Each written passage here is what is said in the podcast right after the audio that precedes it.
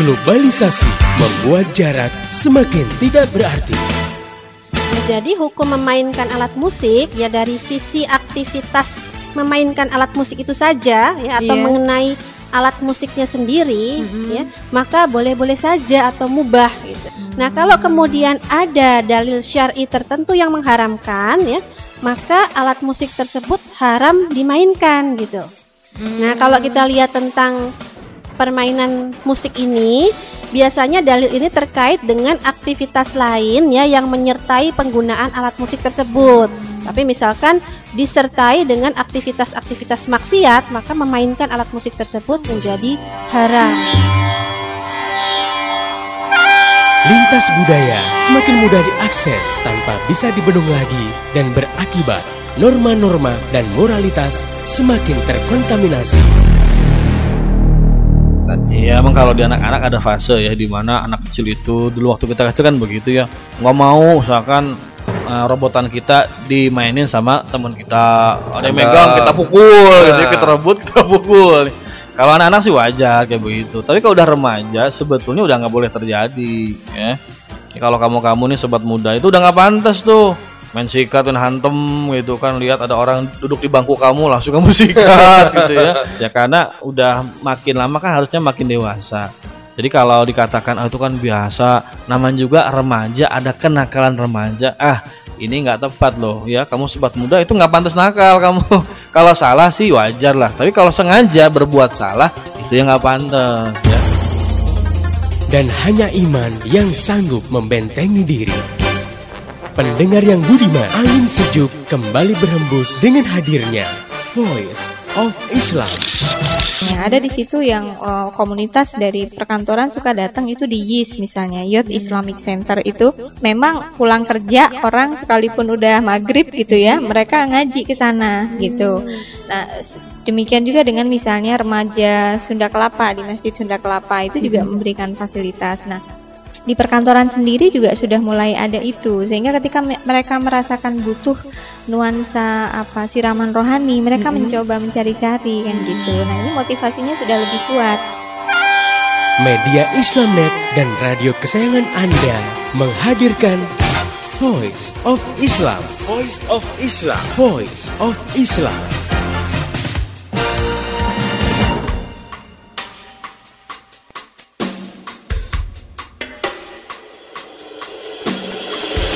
Halo Indonesia, Assalamualaikum warahmatullahi wabarakatuh.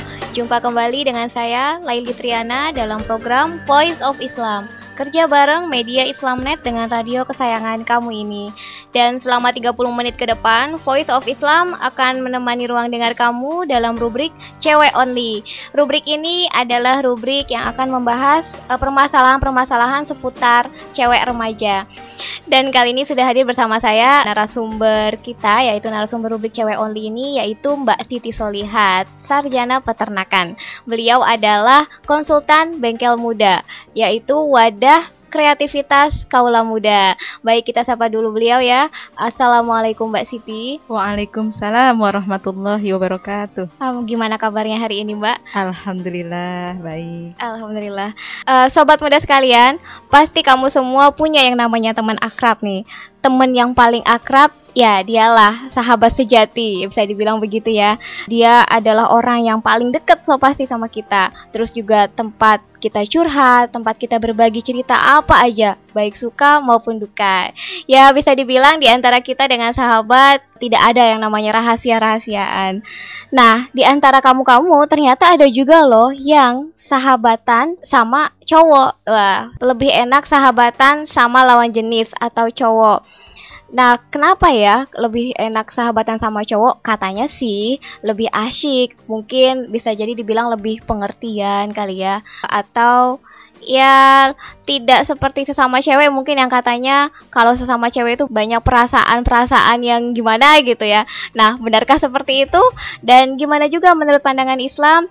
Ya, kita langsung saja bincang-bincang dengan Mbak Siti Solihat tentang sahabat sejati cewek apa cowok. Ya, langsung saja Mbak Siti, menurut Mbak seberapa penting sih arti seorang sahabat nih buat remaja? Ya, baik Mbak Laili dan Kaula Muda. eh, setiap remaja ya dan tentunya siapa pun juga pasti membutuhkan sahabat. Oh Ya, pasti Mbak Leli juga kan? Iya dong. Iya. Kayaknya sudah menjadi kebutuhan umum.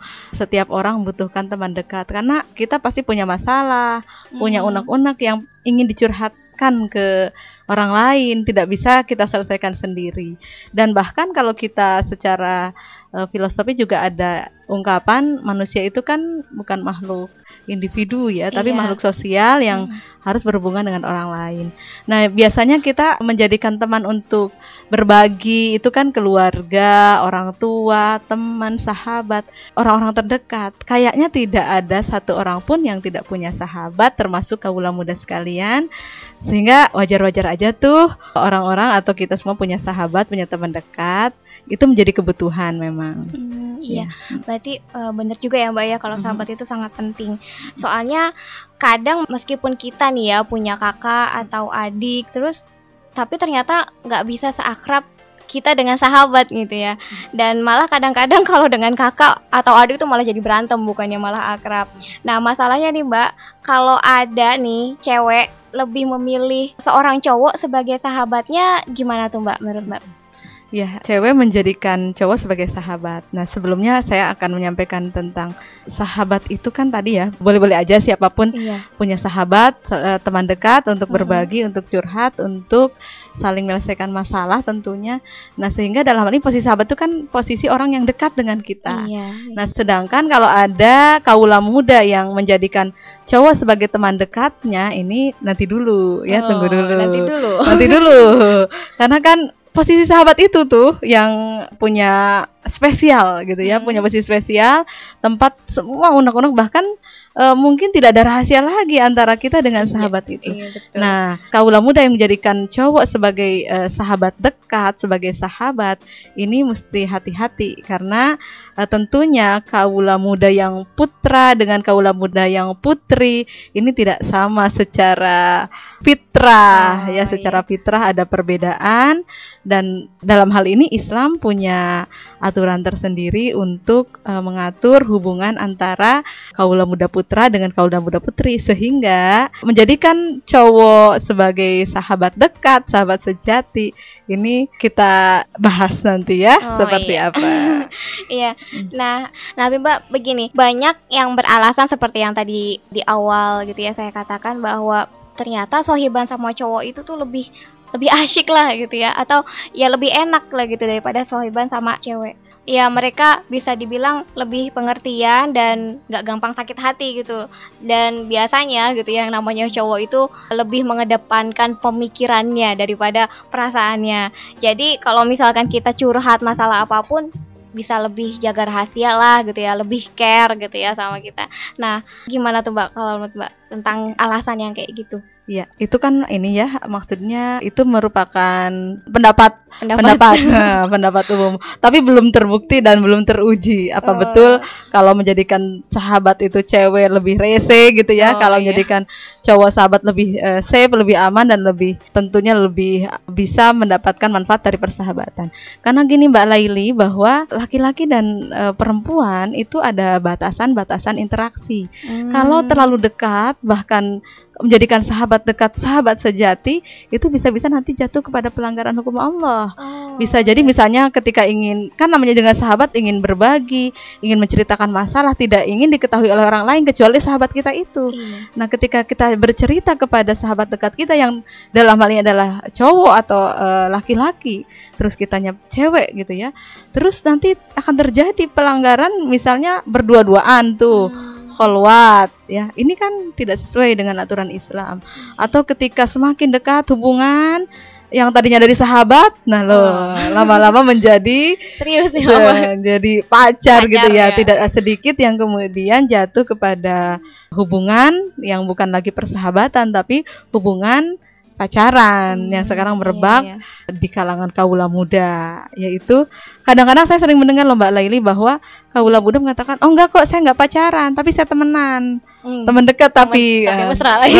TTM teman tapi mesra Eh, ini ya yang perlu diperhatikan betul-betul oleh kaula muda cewek-cewek nih ya untuk hati-hati dan tidak menjadikan laki-laki atau cowok-cowok sebagai sahabat dekat tadi ya.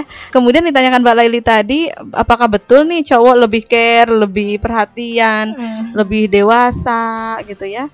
Tidak sedikit loh yang cowok juga ternyata tidak care. Oh. Bahkan kan secara ini, secara perasaan cowok sama cewek kan beda, Beda ya. beda Iya. gitu ya.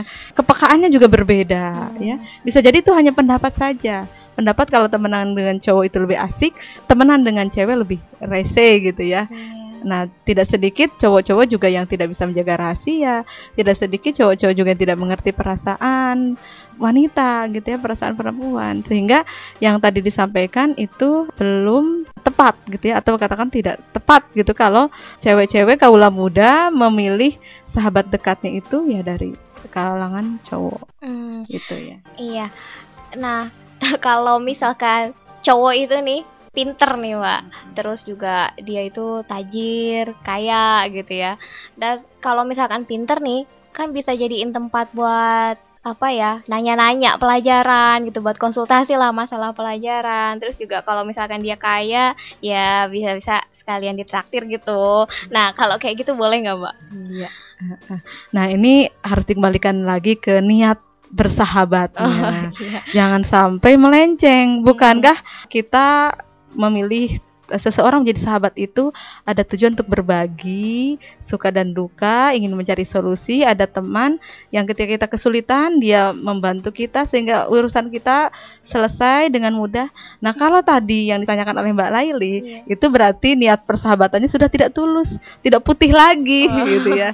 Sudah eh, niatnya sudah ada kepentingan. Eh, eh, saya mau sahabatan sama orang pinter biar nanti kalau ulangan bisa dapat contekan bocor contekan. Iya. Terus saya mau temenan sama orang kaya nih biar kalau nanti lagi ada kebutuhan tuh di sekolah atau misalnya lagi pas di kantin bisa ditraktirin. Nah, nah lo itu kalau ini yang eh, begini bukan persahabatan sejati namanya itu sudah atas asas kepentingan dan ini tidak akan langgeng persahabatan yang seperti ini. Nah, Persahabatan ini ada istilah loh Mbak Laili bahwa eh, dalam dunia sekarang nih tidak ada teman yang abadi, tidak ada musuh yang abadi, yang ada adalah kepentingan. Ini adalah moto yang sangat tentu bertolak belakang dengan akidah kita seorang muslim. Nah, kalau kita kita dianjurkan loh Mbak Laili eh, untuk bersahabat dengan sesama kaum muslimin ada landasannya tentunya Oh, ya. iya. Dan ini persahabatan yang landasannya benar akan mengantarkan pada ridho Allah, akan menghantarkan pada pahala dari Allah.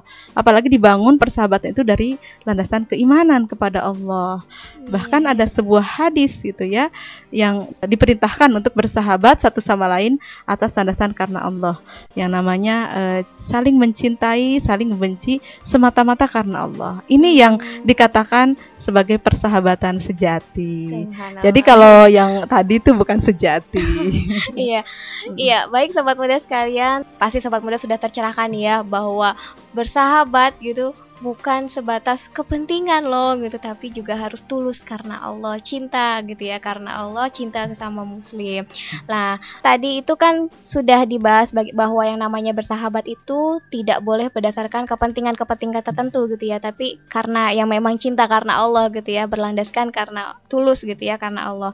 Lalu jadi apa saja nih Mbak yang mesti dipertimbangkan ketika kita memilih seorang sahabat? Baik, kaulah muda bahwa tadi ya persahabatan itu tentunya eh, dalam rangka seseorang mencari solusi atau menjadikan orang lain itu sebagai teman setia kita yang akan melalui katakanlah kehidupan kita yang penuh warna ini dengan Hmm. indah gitu ya. Nah, sehingga untuk mencapainya tentu harus didasari oleh satu landasan yang benar. Landasan yang benar ini tidak lain adalah keimanan kita, akidah kita, Islam kita. Jadi landasan persahabatan itu ya dibangun atas dasar akidah. Oleh karena itu tidak ada persahabatan sejati dengan bukan yang seakidah. Hmm, Tadi iya. sudah disampaikan tentang cewek bersahabatnya dengan cewek lagi. Tidak ada persahabatan dengan cowok ya, persahabatan sejati, sahabat dekat. Kemudian ada lagi eh, pembahasan sekarang bersahabat dengan seakidah. Karena nanti kita membutuhkan solusi-solusi atas permasalahan yang kita hadapi. Nah, kalau berbeda keimanannya, berbeda akidahnya, bagaimana mungkin ya e, masalah itu akan teratasi dalam sudut pandang yang sama. Hmm, kita iya, menginginkan selesai masalah kita, tapi diberikan jawaban dari sudut pandang keimanan atau agama atau akidah yang lain. Tentu ini tidak klop. iya. Hmm, Ya. iya. Oleh karena itu syarat yang pertama persahabatan dibangun dengan eh, landasan akidah Islam. Artinya kita bersahabat dengan sesama kaum muslimin yang satu pandangan, Hmm. satu pikiran, satu perasaan dalam menimbang satu hal persoalan. Ini eh, yang pertama ya dan kemudian bahwa insya Allah ya sahabat-sahabat kita yang muslim ini karena ajaran agama kita menyampaikan kalau seorang sahabat itu harus amanah dapat dipercaya. Nah, Iya. kita belum tahu bagaimana kalau kita menjadikan sahabat dari agama yang lain, apakah mereka amanah? Apakah ada ajaran agamanya tentang amanah misalnya Mbak Lain ya? Iya. eh, menjaga amanah. Kalau dalam Islam kan tidak boleh gitu ya, membocorkan rahasia sahabatnya, tidak boleh ember. Mm-mm, Tidak boleh betul. ya dalam Islam itu Eh, betul-betul eh, itu menjadi eh, akhlak ya, akhlak mulia bagi kaum muslimin. Dan salah satu fungsi sahabat adalah menjaga aib saudaranya. Hmm. Nah, ini eh, sehingga sangat penting ya. Eh, ini juga menjadi apa namanya pengingat ya buat kaula muda kalau masih ada yang belum bersahabat dengan sesama kaum muslimin atau masih ada yang bersahabat dengan non muslim ini eh, sekarang sudah tahu ya Iya. hukumnya. Nah, kemudian persahabatan itu dibangun dalam rangka karena Allah ya. Karena Allah artinya al-hubbu wal baghdhu fillah, saling mencintai dan saling benci karena Allah. Tidak boleh seorang sahabat membenci sahabat yang lain itu karena hawa nafsunya, karena nggak suka gitu ya, dia gayanya eh, nggak cocok gitu ya Oh, dengan iya. saya gitu ya, dia misalnya budayanya nggak cocok semata-mata karena itu. Hmm. Tapi betul-betul dibangun eh, dengan tadi alangkah indahnya, Iya. alangkah indahnya. Saya pernah merasakan loh Mbak Laili. Bagaimana Mbak Laili? Pernah merasakan Eh, persahabatan yang indah? Oh iya pernah. Alhamdulillah masih diberikan kesempatan. Iya. Iya. Jadi sudah apa ya tadi kan digambarkan bahwa memang bersahabat itu karena akidah ya Mhm. landasan akidah dan berarti harus bersahabat dengan yang sesama sesama muslim ya Mhm. satu akidah gitu ya. Nah, jadi kan Mbak sudah mem- memberikan satu gitu ya kriteria seorang sahabat yaitu karena dia harus amanah gitu ya. Mhm. Nah, kira-kira bisa disebutkan lebih rinci lagi nggak kriteria-kriteria seseorang yang bisa kita jadikan sebagai seorang sahabat? Apa aja nih kira-kira, Mbak? Iya, baik. Tentu ini penting ya sebagai Iya. resep ya buat jadi bisa kaula milih muda. yang pas gitu. Iya, baik. Kaula muda, eh, Mbak Laili juga ada beberapa tips nih ya eh, agar persahabatan kita itu persahabatan yang sejati, persahabatan Hmm. yang menghantarkan kepada keridhaan Allah. Yang pertama tadi sudah, yang kedua bahwa tentunya ini harus saling mengenal. Ya, Oh, saling iya. kenal mengenal ya. Iya. Kalau nggak kenal bagaimana akan saling mengetahui, mengerti, saling care gitu ya. Tak kenal maka tak Ya, sayang. tak kenal maka tak sayang. Berarti eh, kita harus saling mengenal. Hmm. Tentunya tidak hanya- mengenal namanya, mengenal keluarganya, Hmm, iya. mengenal tentang dirinya, ya, Iya. eh, seluk-beluk tentang dirinya. Terus yang kedua juga sahabat kita itu empati, Mbak Laili ya. Empati itu berarti mengetahui kebutuhan saudaranya, ya. Artinya kan nggak hanya kita butuh dia, tapi dia juga butuh kita. Saling berbagi, kemudian dia juga terbuka kepada kita, saling melengkapi. saling melengkapi Iya. satu sama lain.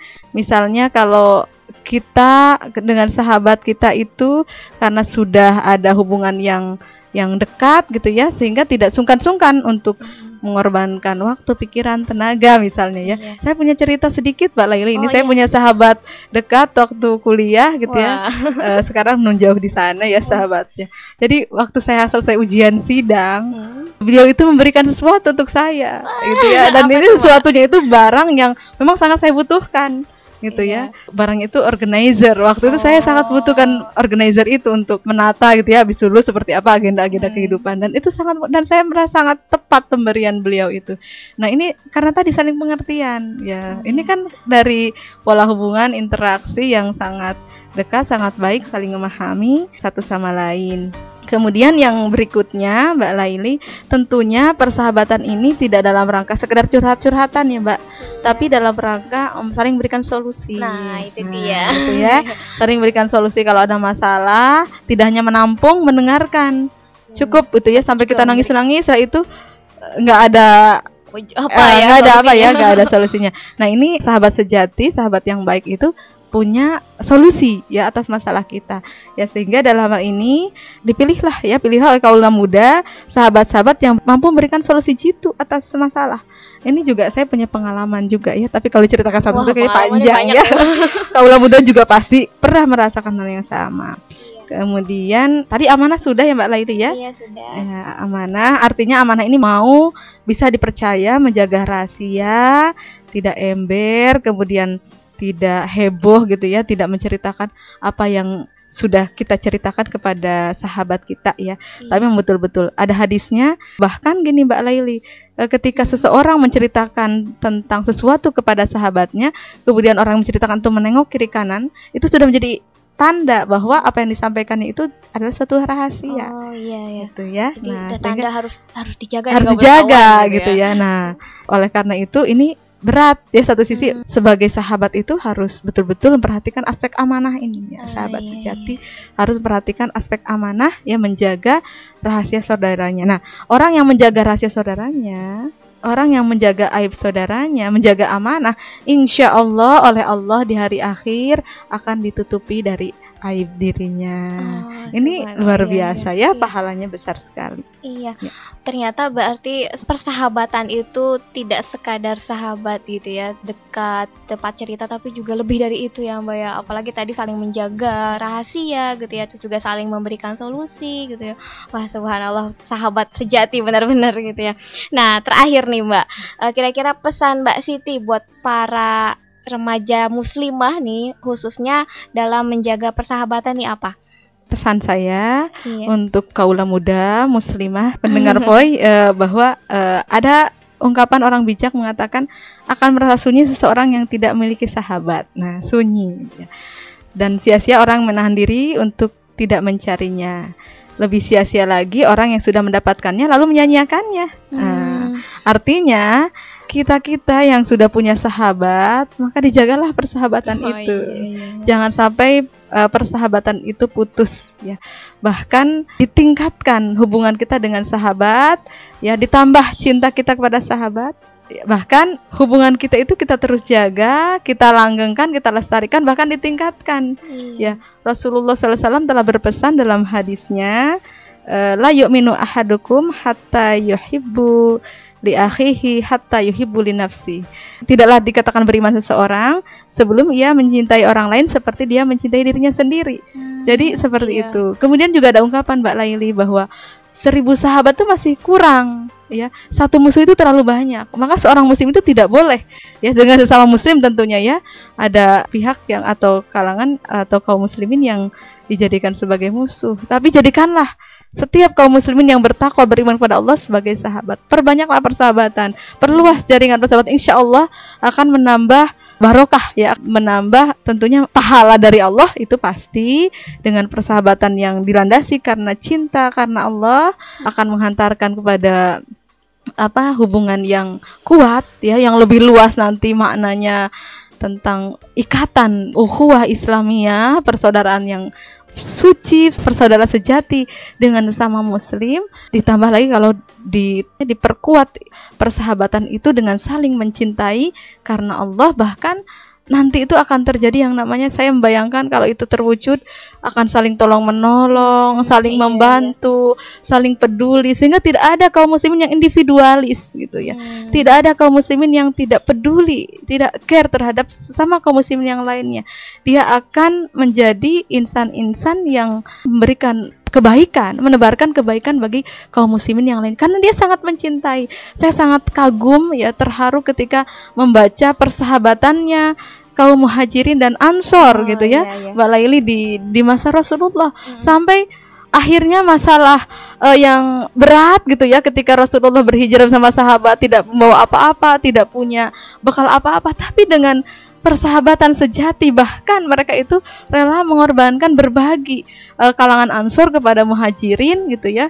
Eh, apa pun yang mereka miliki termasuk harta. Bahkan ada sirohnya yang berbagi istri gitu berbagi istri. Itu kan persahabatan yang sejati persahabatan yang dibangun karena cinta kepada Allah. Sehingga eh, hubungan kaum muslimin di Madinah menjadi luar biasa sampai buat iri umat yang lain dan kemudian Rasulullah membangun kehidupan yang indah di Madinah yang akhirnya Rasulullah menjadi lebih mudah ya memimpin sebagai kepala negara waktu itu karena rakyatnya gitu ya umatnya itu eh, saling menguatkan satu sama lain saling bersahabat satu sama lain dilandasi oleh kecintaan yang dibangun oleh keimanan kepada Allah Subhanahu wa taala. Ah, iya.